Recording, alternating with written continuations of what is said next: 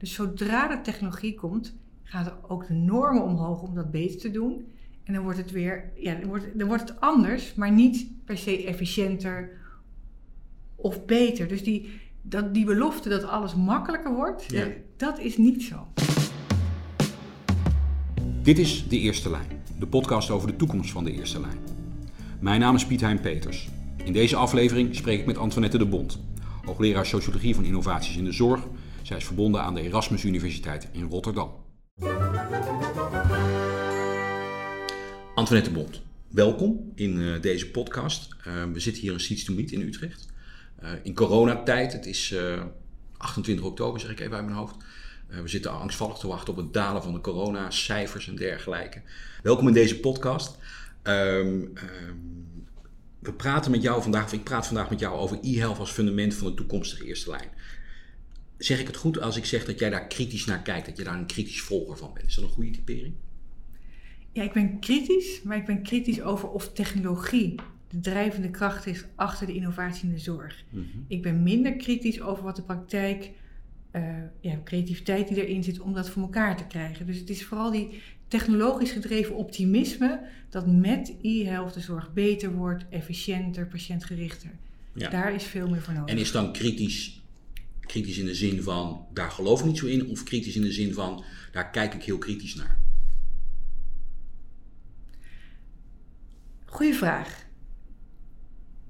Ik, eh, die, die- het zijn beloftes die ons sturen om ons in te zetten, om het voor elkaar te krijgen. Maar die beloftes gaan we gewoon niet waarmaken. Dus ik neem even een voorbeeld uit mijn studie. Ja. Een van- leerden we het over, de, over het huishoudtechnologie en de stofzuiger. En de stofzuiger zou het leven van vrouwen veel makkelijker maken. Mhm. Zou het efficiënter worden, zou het schoner worden. Maar mijn oma kl- klopte één keer per week het kleed. Mijn moeder moest elke dag zuigen. Dus zodra de technologie komt, gaan er ook de normen omhoog om dat beter te doen. En dan wordt het weer, ja, dan wordt, dan wordt het anders, maar niet per se efficiënter of beter. Dus die, dat, die belofte dat alles makkelijker wordt, Ja. eh, dat is niet zo. Dus het is misschien wel zo dat de, de kwaliteit van leven vooruit gaat, omdat we, als we dit volgen, voorbeeld volgen, we een schoner huis krijgen. Maar tegelijkertijd levert het wel meer druk op. Meer, meer moeten en een, een hogere kwaliteitsdruk, om het maar Ja. zo te zeggen. Ja, en dan ben ik kritisch naar die beloftes. En die zijn die beloftes die, als je ziet wat mensen moeten, voor elkaar moeten krijgen om e-health in de eerste lijn voor elkaar te krijgen, heb ik daar enorme bewondering voor. En heb je die beloftes nodig om het vol te houden. Ja. Het is de droom die je, die je volhoudt. Ja. Maar het is niet het tempo waarop dingen gaat. Ja. Het is ook niet de weg waarop het zal gaan. En zeg jij dan ook, het gaat eigenlijk over het spanningsveld tussen, eh, ehm, ja, het levert zeer waarschijnlijk meer kwaliteit voor, maar of het efficiënter is, dat, dat, daar ben je met name kritisch over. Zeg ik het dan goed? Ja, en ook op het. Wij zijn heel optimistisch over het tempo waarop dit eh, zou ontwikkelen. Mhm. En ik doe nu heel veel onderzoek naar AI in de zorg en ik realiseer me. AI, Artificial intelligence. Ja. Eh, en ik realiseer me dat ik mijn eerste algoritme in 1997 onderzocht. En dat daar dezelfde problemen nu zitten over vertrouwen dokters dat, kunnen op die manier efficiënte zorg inrichten als nu. Dus het is echt een enorme transitie die van iedereen heel Ja. veel vraagt over wat is mijn rol als professional, Eh, hoe richt ik mijn werk in, Eh, al die data aan elkaar verbinden. Dus ik ben wel echt kritisch over de belofte die we elkaar doen. Koop u deze techniek, ik beloof u de wereld. Ja. Nee. Dus we- duiken eigenlijk aan de hand van mijn eerste vraag al gelijk eh, de diepte in. Hè? Eh, dat is hoopgevend voor de rest van deze podcast. Maar e- even, even een stap terug. Als we het hebben over, over e-health in de eerste lijn. Waar, als, als we het woord e-health gebruiken, waar denk jij dan aan? Wat is dat voor jou? Nou, ik denk dan aan drie dingen. Dus ik aan de ene kant, en als je natuurlijk in de coronatijd, daar begonnen we niet over, dat is natuurlijk echt een heel erg eh, belangrijke ja, crisis geweest, waardoor we opnieuw moesten nadenken hoe we de zorg inrichten. Dus dan heb je het over digitale consult. Hè, Mhm. dat je, dat, vaak bellen, maar het kan ook beeldbellen zijn. Dus Mhm. dat het consult bij jou thuis is. Dat je niet naar de huisarts komt of niet naar de, zelfs ook niet naar de fysiotherapeut, maar dat je dat dus online kan doen. Als patiënt bij Ja. de zorgprofessional. Ja, ja. Dat is één. Het tweede is, gaat over preventie. En dat we dus, eh, dat we dus met alle data die we kunnen hebben, en dat zag je eigenlijk ook al, dat je dus gaat nadenken, welke patiënten in mijn praktijk hebben nu zorg nodig? Dus in plaats van die patiënten komen naar jou toe met een bepaalde vraag, met al die data ga je denken, welke patiënten lopen nu het risico op een chronische ziekte? En kan ik door nu al in te grijpen dat voorkomen? Mhm. Of welke patiënten lopen het risico straks opgenomen te worden? En kan ik daar nu wat aan doen? Mhm. Dus dat is, een, dat is dus van reactieve zorg naar proactieve zorg. Mhm. En de derde?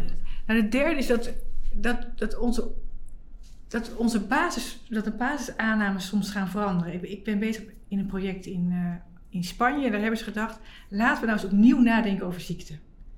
En wat ze gedaan hebben, is alle patiënten met, niet zonder diagnose, met alle symptomen weer in één database. En wat voor patronen herkennen we dan tussen eh, symptomen die mensen hebben en of ze wel of niet opgenomen worden of een ziekte. En dan zie je, dan moet je bijvoorbeeld de relatie tussen depressie en hart- en vaatziekten of tussen eh, nou, allerlei ziekten die we tot nu toe die combinatie niet zo makkelijk Mhm. gelegd hebben. Dus, Mhm. dus dan ga je echt nadenken van, wat is nou het belangrijkste? Is het belangrijk dat ik een diagnose heb? Of is het belangrijk dat ik niet onverwacht word opgenomen? Of dat ik nog lang zelfstandig mag thuis blijven?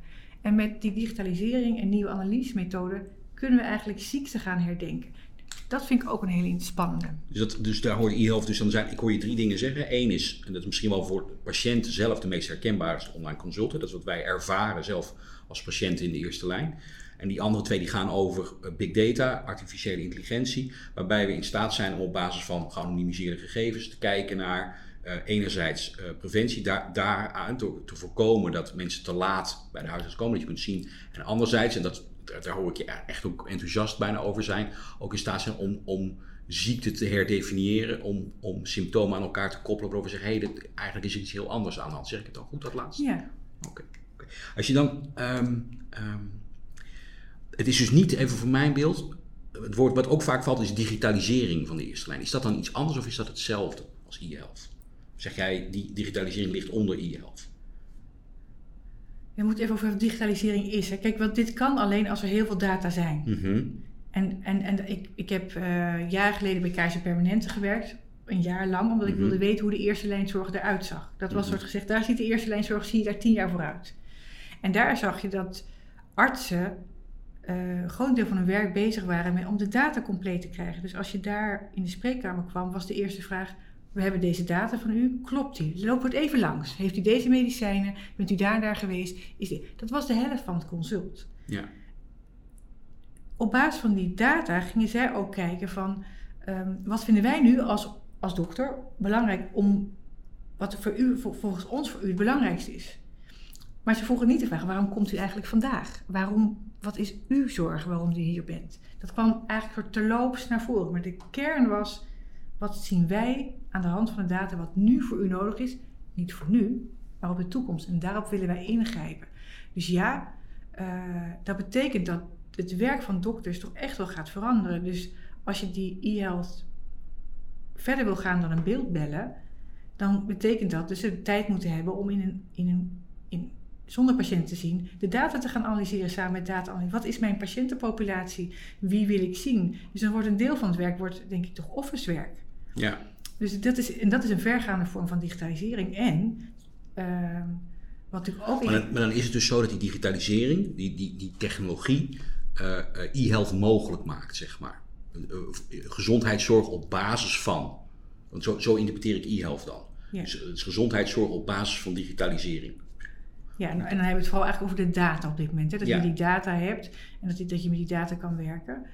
Eh, waar ik even twijfel, dat zie je aan mijn gezicht, Ja, is dat... dat zien, dat- de, dat zien de luisteraars ja, niet. ziet niet, ja, maar we zitten naast elkaar. Ja. Is dat, ehm, dat, dat dat natuurlijk niet genoeg is. Ja. En dat je dan... Dus eh, laten we even teruggaan naar dat beeldbellen. Dus Mhm. met de coronatijd kunnen we niet meer naar de huisarts komen en, we- en de huisarts wil ons wel zien. Nou, de- als je gaat bellen, dan, dan kunnen ze in ieder geval wat aan je gezicht zien. Maar het is toch al heel veel informatie gaat verloren. Dus je wil ook aan- aanvullende informatie, misschien bloedtesten. Of, en dat is al een vraag, hoe krijg je die aanvullende informatie bij die huisarts? Ja. Nou, dan heb je techniek voor nodig. Maar ook dat dat eh, moet georganiseerd worden. Moeten afspraken met laboratoria gemaakt worden. Of dat moet ehm, eh, aan het elektronisch patiëntendossier gekoppeld worden. Dus dat vraagt echt een hele sterke organisatorische kracht Ja, om dat voor elkaar te krijgen. Eh, dus, dus dat is mijn twijfel. Ik denk dat die organisatorische kracht is echt heel erg belangrijk. En dat is ook waar de eerste lijn voor staat.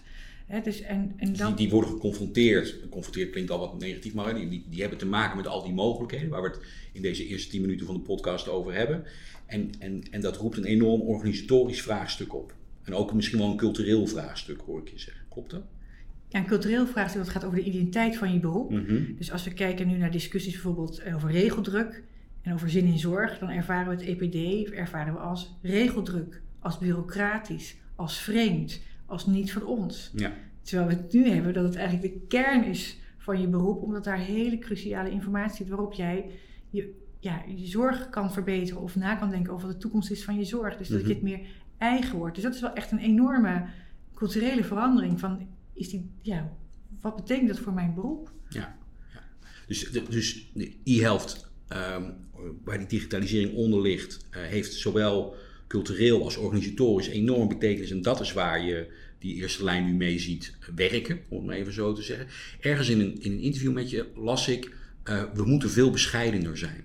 Eh, dat, dat, daar zet ik een streep onder. Daar zeg je eigenlijk in een minuut of vijf geleden, zei ik het zelf ook al een beetje, ja, het heeft met dat tempo te maken, met die verwachtingen. Kun je dat nog wat toelichten? Als je dus zegt, ja, het zijn, zijn ehm, eh, zowel culturele als organisatorische uitdagingen waar die eerste lijn nu voor komt te staan met die technologische mogelijkheden. Waar moeten we dan veel bescheidener in zijn?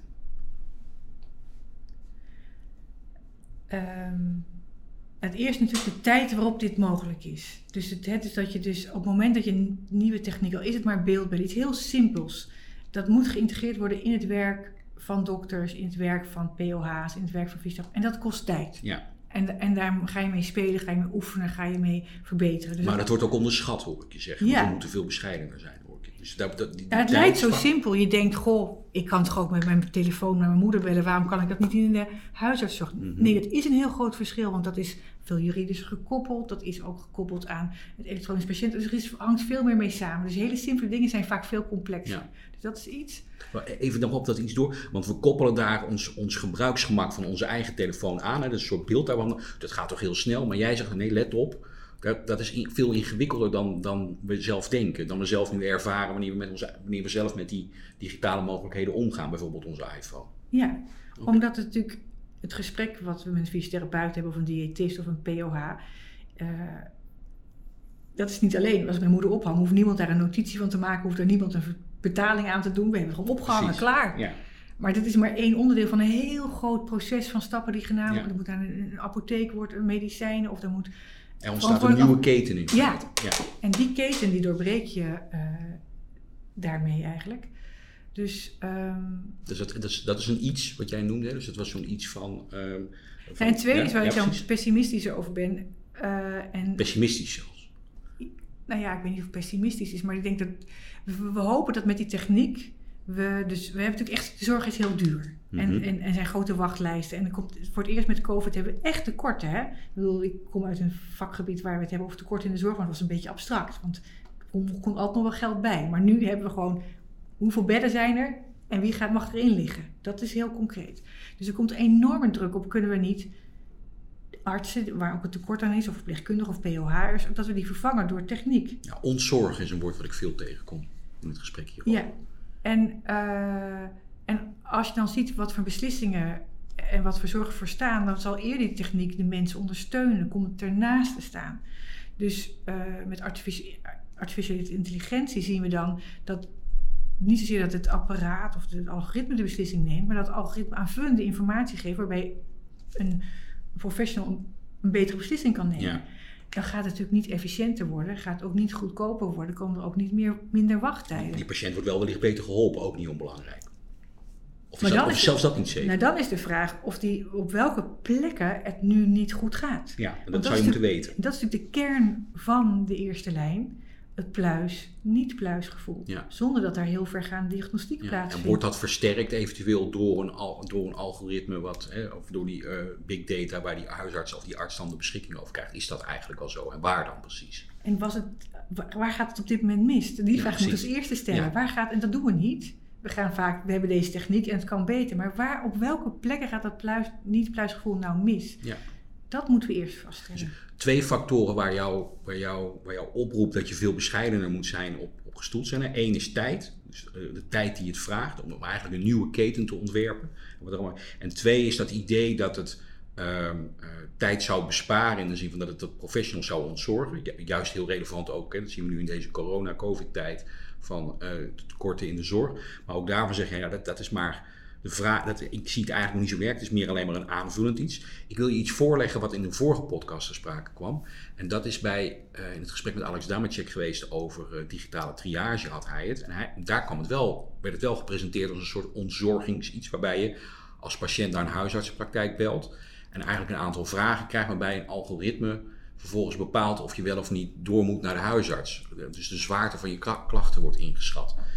Dat, dat klinkt wel als ontzorgen. Of denk jij, of gaan er nu bij jou allerlei alarmbellen af? En dan begin ik eerst na te denken over wat triage is. En wat er op het spel staat bij triage. Mhm. En bij triage staat, Even in de casus van ik bel mijn huisarts. Ja. Kijk, dus dat nemen we als voorbeeld even. Ja, ja, ga je gang. ehm, Denken we die even uit. proberen die uit te denken. Nou, kijk, dan moet je natuurlijk al onderscheid maken of er iets heel ernstig aan de hand is of niet. Ja, En dat weet je niet. Het is Ja. heel onbekend. En het is ook nog heel ongestructureerde informatie die daar aankomt. Hè? Dus in die zin, kijk, als het. eh, dus, daar, dus dat is de eerste vraag. Van, eh, wat is daar. Kijk, als het om gaat maken. Om, zou je eigenlijk al snel. Als het gaat om het maken van een afspraak. Ik wil gewoon hè, een simpele afspraak voor routinecontroles. Dan kan ik me voorstellen dat het gebeurt. Maar als je met een onbekende klacht komt. en je weet niet de urgentie daarvan. dan is dat zo belangrijk dat het juist wordt afgehandeld. eh, dat ik verwacht dat eh, assistenten en eh, het niet prettig vinden om dat aan een techniek over te laten. Want uiteindelijk, als het misgaat, komt de vraag wel van: waar was u? ja. Dus, dus ik wil dan wel echt goed kijken op, eh, naar wa- wat is het. Dus dat vind ik echt met triage. Wat ik dan wel gezien heb, is dat met triage moeten ze dus heel veel verschillende afwegingen moeten ze meenemen. Dus een hele complexe beslissing die snel genomen moet worden. En dan zie ik weer het beeld voor wat ik ook in, in ziekenhuizen zie. Dat op het moment dat die patiënt dat zegt en het algoritme visualiseert wat er aan de hand is en eventueel helpt, hé, maar deze patiënt heeft u eerder gezien of dit zou het kunnen zijn, dat ze ondersteunend krijgen. ja, maar dat is dan in de, in de praktijk. En dan zit het weer daarnaast. Dus Ja. dan is het niet dat je een algoritme hebt, maar dan, heb je, dan is het algoritme eigenlijk voor de professional. Misschien dat ik denk daar nog het meest aan denk. Dat kan ook een kleuring van mij zijn, maar dat die. Dat maar dus het- idee van ehm, ehm, dat we nu met algoritmes, eh, wat je nu in het bedrijfsleven her en der bijvoorbeeld ook ziet, van je, je gaat bellen, je komt in een soort callcenter terecht waarbij je door een algoritme eigenlijk door de eerste vraag heen geleid wordt en dan uitkomt bij degene waar je zijn moet. Hè. Eh, eh, in het gesprek met Alex Damacek schetste hij dat als een soort perspectief ook voor de huisartsenzorg van ik heb, eh, laten we zeggen, wat druk op de borst. Eh, ik bel eh, eh, en het algoritme gaat mij dan een aantal vragen stellen en zo wordt heel snel bepaald hoe, waar ik terecht moet komen, of ik door moet of niet naar de huisarts. Daar, dan zie ik, ik ben nu zelfs bijna in je gezicht aan het inschatten hoe jij daar dan over denkt. Zeg maar. dat, Nee, ik, denk, ik denk onmiddellijk, maar dat doen we als je telefoon, als je huisarts belt, dan kan je zeggen bel 0. eh 0 Ja. voor. Dus dat gebeurt er. Er is al een soort, er is een algoritme. Er is een soort algoritme, een soort menselijk algoritme. herha- Voor herhaalrecept Ja. nummer Ja. 2 Ja. uit 3. Maar als het nu is, moet u nu op 3 drukken. Ja. ja. Dus dat is in die zin, dus ik kan niet ontkennen dat het niet gaat werken, want zo zit het al Wij in elkaar. al, We doen ja. dit al. ja. En dan is de vraag, dan ben ik nieuwsgierig wat het algoritme dan doet. En vooral wanneer het algoritme dan doorschakelt naar de assistenten van eh, wanneer het complex wordt. En dat moet het algoritme dan doen. Dus het zou knettergek zijn als ik zou zeggen het zou niet werken, want dan ontken ik dat ik... Dat, wij, dat wij voortdurend eigenlijk ook zelf algoritmes zijn. Zeg. Ja, of in ieder geval daar worden we in met telefoons. Maar nu is het natuurlijk een algoritme en dat doen we. Ja. Prima. Even, eh, de- twee factoren noem je hè, als het gaat om we moeten bescheidener zijn. Hè. Eén is tijd en twee is tekorten, om het maar even zo te zeggen. Dus het, één, het, het, het idee dat het tijd oplevert. Nee, het, het, het kost nieuwe tijd, om het maar zo te zeggen. In ieder geval. En, en twee is dat je zegt dat idee dat het arbeidstijd bespaart. eh, juist zo belangrijk bij die personeelstekorten. eh, daar heb ik er ook wel mijn gedachten bij. Hè. Ehm, is dat nou, zijn dat nou factoren waarvan jij zegt, ja, dat, dat, dat gaan we in het komende decennium wel leren, waardoor het toch op die manier gaat werken, dat het toch efficiënter wordt ook? Of zeg je nee, dit zijn wel structurele belemmeringen? Dus dat, is dit iets waar we, waar we in gaan groeien, waardoor het toch ten voordele van eh, ehm, eh, to- toch die efficiëntie op gaat leveren? Of eh, blijft dit zo? Blijft technologie iets ondersteunends en niet iets vervangends? Ik denk dat dan moet kijken naar wanneer wordt het efficiënter, wat is er voor nodig. Dus er zijn natuurlijk situaties waarin het op. Want mensen zijn creatief en willen het daarvoor gaan gebruiken. Dus de COVID-crisis maakt dat we dit moeten gaan zoeken. En dan gaan we op zoek naar techniek. Er is er iets anders dan alleen de techniek om dat op te lossen. Dus ik heb het bijvoorbeeld ook gezien in de, in de uh, cardiologie. Mhm. Omdat we betere behandelmogelijkheden kregen, waren mensen sneller in het ziekenhuis, kregen meer mensen een, een, een operatie. Maar er moesten ook meer mensen gecontroleerd worden. En dat konden we niet volhouden. En dan krijg je monitoring. Dus dan zijn er andere ontwikkelingen. Want dokters willen wel goed voor hun, en ook uh, verpleegkundigen willen ook goed voor hun patiënten zorgen. En dat is niet de technologie of niet het beleid, maar dan zijn er andere omstandigheden nodig. En dat is vaak op het moment dat er. Crisis. Crisis, of dat er in één keer heel veel nieuwe mogelijkheden ontstaan om mensen te behandelen, waardoor je meer follow-up nodig hebt. Dat zijn momenten waarop dat zeker gaat gebeuren. Mm uh, en wat ik ook hoop, en dat zie je ook, maar dat niet altijd. Wat, wat, even nog, wat gebeurt er dan? Want, want dat klinkt alsof je zegt dat dan, er zijn inderdaad wel degelijk in dit proces waar we nu in zitten, waarbij er steeds meer technologische mogelijkheden, eh, zijn er momenten waarop we in één keer heel snel wel leren, waardoor we en dat tijdsprobleem wat jij schetste, en dat uh, tekort, personeelstekortprobleem, wat, wat, die belofte die we niet daarmee realiseren, uh, wel voor elkaar krijgen. Dus wat, wat leren we dan in één keer zo? Wat gebeurt er dan? Nou, volgens mij gaat het dan over een professionals zijn heel erg bezig met de kwaliteit van zorg. En je voelt op dat moment dat de kwaliteit van zorg zo onder druk komt te staan, mhm. omdat er in één keer veel meer patiënten mhm. zorg nodig hebben, of dat je patiënten niet de zorg kan geven die je wilt, dat je dan op zoek gaat naar een andere manier en dat je bereid bent om er op een andere manier over te denken. Dus ik heb het nu even over de. Ik doe een project in de dermatologie. Nou, 6% van de uh, huidkanker neemt toe. Dermatologen hebben het liefst in hun eigen hand, want zij hebben zoiets van ja, maar wij weten echt het best of dit dit wat aan de hand is. Maar ze houden dat niet vol. Omdat je houdt dat niet vol. Mhm. En dan denk je, dan moet ik toch met die huisartsen en met digitale techniek en een app gaan werken. Want het andere kant kan ik ook niet meer volhouden. Dus, het is, uh, dus dat is iets waarop dan is toch echt die maar, maar dat klinkt een beetje als second best, zeg maar. Omdat er een soort negatieve uh, factor is, een negatieve push. We houden het niet vol. dan, dan, dan krijgt die technologie in één keer de ruimte. Het is niet alsof we we hadden het liever anders gehad. Is dat dan, is dat nou, dan voor mij zou het dan eerst zijn, het is best een risico wat je neemt. En het risico moet je gecalculeerd nemen, want je weet niet zeker of dit gaat werken. Maar het, kan ook maar, het kan ook zomaar blijken dat het wel gewoon heel goed werkt. Dat ja, kun je vervolgens en je, wel leren. en je moet een enorme investering doen, qua mhm. tijd die je niet een ander in kan steken. Dus het is echt van, er moet wel, ik, eerder zou ik zeggen, wanneer is het noodzakelijk? In plaats van als een. En op dat soort momenten wordt het echt noodzakelijk. Daar gaan we van leren. En vervolgens zien we dat op andere plekken ook kan. Dus ik denk, ik zou niet zeggen dat het een defensieve strategie is, maar gewoon echt, dan denk je, nu is het noodzakelijk. Nu wil ik bepaalde risico's. Kun je een voorbeeld noemen van, waar, waar het al gebeurd is in de zorg? Maar hoeft niet per se de eerste lijn te zijn. Waarvan jij zegt, daar zie je dus wel dat daar dat crisismoment geweest is. En in één keer die technologie meer werd dan alleen maar ondersteunend, maar ook echt naast de professional kwam te staan. Of zijn we nog niet zover? Ja, dat, dat, dat vind ik dan moeilijk om aan te geven. Dus was, ik heb dat aan, ooit mijn eerste project in 1997. Dus toen hadden wij digitale foto's met een software. Dat doen we geen mhm. algoritme, maar het was mhm. natuurlijk een algoritme. Mhm. En daar speelde dat dus uh, glaucoomziekte kwam op. En, en toen hadden ze uitgerekend dat iedereen, om iedereen op glaucoom te screenen, moest alle oogartsen in Nederland gewoon fulltime glaucoom screenen. Ja, dat gaat gewoon niet gebeuren. En toen zijn ze na gaan denken van, goh, kunnen we dan niet optometristen of opticiens inschakelen om dat te doen? Uh, en dat is toen ook, in, zijn ze in, in, in brillenzaken in Rotterdam dat gaan doen. Dus dat is op dat moment echt gelukt. Alleen toen het, dan krijg je ook weer een terugslag van, ja, wat kunnen optometristen precies, wat kunnen oogartsen? Er mhm. komt een soort uh, continue discussie over die langzamerhand in een richting gaat. Uiteindelijk is een deel van het onderzoek weer Terug. teruggaan naar de ziekenhuizen. Maar dat zijn wel belangrijke transitiemogelijkheden. Dus dat zijn echt voorbeelden. waarbij je ook laat zien dat dat echt, dat dat, dat, dat dus twee, drie decennia kost. Dat is een, dat is een normaal proces bij zo'n vernieuwing waarbij je dan met z'n allen aan het uitgisten bent hoe dit precies moet werken.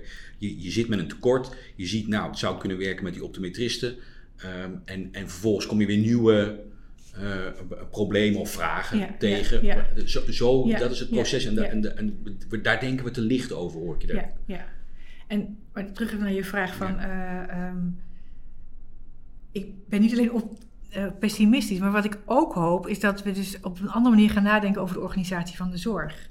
Uh, mijn, mijn zus is nu huisarts en die ziet minder patiënten om, door de coronatijd... maar door kan ze die patiënten ook op een betere manier zien. die patiënten die, die er wel mogen komen. Ja, die, dat... ja. daar meer tijd voor is. Ja. En dat is ook wel behoefte dat de huisarts zegt, ik wil eigenlijk voor de patiënten die ik zie, wil ik meer tijd Ja. hebben om het gesprek goed te voeren. Wat als we inderdaad eh, die zorg anders kunnen inzetten? Dat je aan de ene kant, nu kan een patiënt bepalen wanneer die komt. En dat is ook heel veel van waarde. Maar het kan ook zo zijn dat de huisarts met nieuwe data gaat nadenken van deze patiënten moet ik echt gewoon zien. En daar, daar heb ik mijn ochtenden voor. Want daar, en die wil ik ook uitgebreid zien en wil ik ook alle data zien. En dan gaan we één keer dingen goed op een rijtje zetten. Nou, dus dat is ook iets waarvan ik denk, daar is echt een behoefte aan.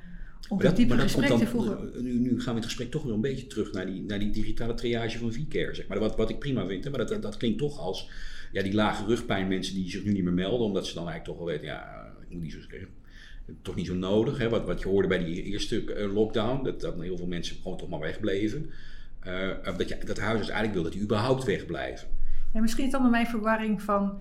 eh, die, dan besluit die huisarts of dat, of dat systeem besluit of het wel of niet goede zorg is. En dat is denk ik ook problematisch. Misschien dat we dan een stapje verder moeten gaan. Mhm. Dat jij om met die eh, algoritmes thuis je eigen zorg kan regelen als patiënt. Ja, En, en, en, dat dat, eh, en dat het ook jouw verantwoordelijkheid op een bepaalde manier is. En dat het ook kan omdat je namelijk technologisch ondersteund Maar, wordt. dat, maar, maar zou dat in de lijn zijn van wat jij net bepleit? Ja. Dat je zegt van die huisarts, eh, jouw zus, die huisarts is en die nu eigenlijk ook een soort kwaliteitsverbetering ervaart. Omdat ze die patiënten die ze moet zien, die ziet ze en daar heeft ze meer tijd voor. Wat eigenlijk betere zorg oplevert. En die patiënten die ze eigenlijk niet had hoeven zien, maar die wel die 10 minuten innemen, een aantal keren in het spreekuur, die blijven weg. En, en, en dat ervaart ze nu. En, en dan is de vraag, kan, kan e-health daarbij helpen om dat, eh, om dat structureel te maken, ook Ja. na COVID? Maar het zou ook zo kunnen zijn dat we zeggen dus dat je dus, dus uh, huisarts zit natuurlijk komt hij over twee weken nog weer terug of over drie weken terug. En dat dat, dat misschien niet voor hoeft, omdat we dat digitaal doen, waardoor je vooral die eerste gesprekken Ja. daar hebt. Dus het hoeft dan, dus, de, dus daar moeten we goed over nadenken van welke gesprekken zijn van toegevoegde waarde, omdat in de spreekkamer en hoeveel tijd hebben we daar dan precies nodig en welke onderdelen van het werk ehm, zijn, ja, zou je op een andere manier kunnen organiseren. En dat is wat ik wel optimistisch over ben, eh, dat technologie ons daartoe uitdaagt. Ja, maar technologie alleen eh, is dan onvoldoende. We hebben iets van een crisis nodig of een soort nood om die technologie daadwerkelijk op eh, haar waarde te leren inschatten. En we hebben heel veel creativiteit nodig van mensen die het onderdeel gaan maken, die het gaan, mee gaan experimenteren, die het gaan proberen. En je hebt ook een hele organisatielijn, dus dat is ook nog nodig. Hè? Dus dit is niet alleen crisis en dan redden we het wel. Nee, ja, maar dat is wel een belangrijke incentive hoor ik je. Een aantal, tenminste, dat, dat Maar je moet wel, op. je moet echt een goede, nou, misschien moet een goede, nodig reden, een goede Ja. reden zijn om deze weg. Het is een lange weg, het is een moeilijke weg. Je weet niet precies wat de resultaten zijn. Om die weg op te gaan heb je een noodzakelijke reden nodig. En dat kan een crisis zijn.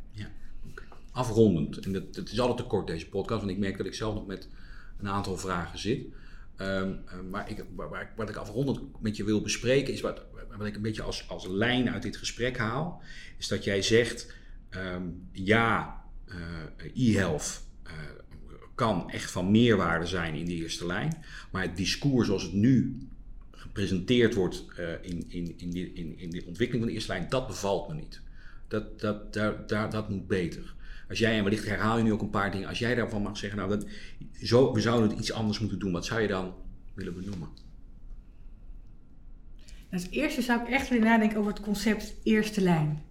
Dat is echt heel belangrijk. Want mind you, met digitalisering kan ook het ziekenhuis naar huis gaan. En die Ja. hele eerste lijn overslaan. Ja, En dan krijg je opnieuw de vraag, wat is nou de toegevoegde waarde van de eerste lijn?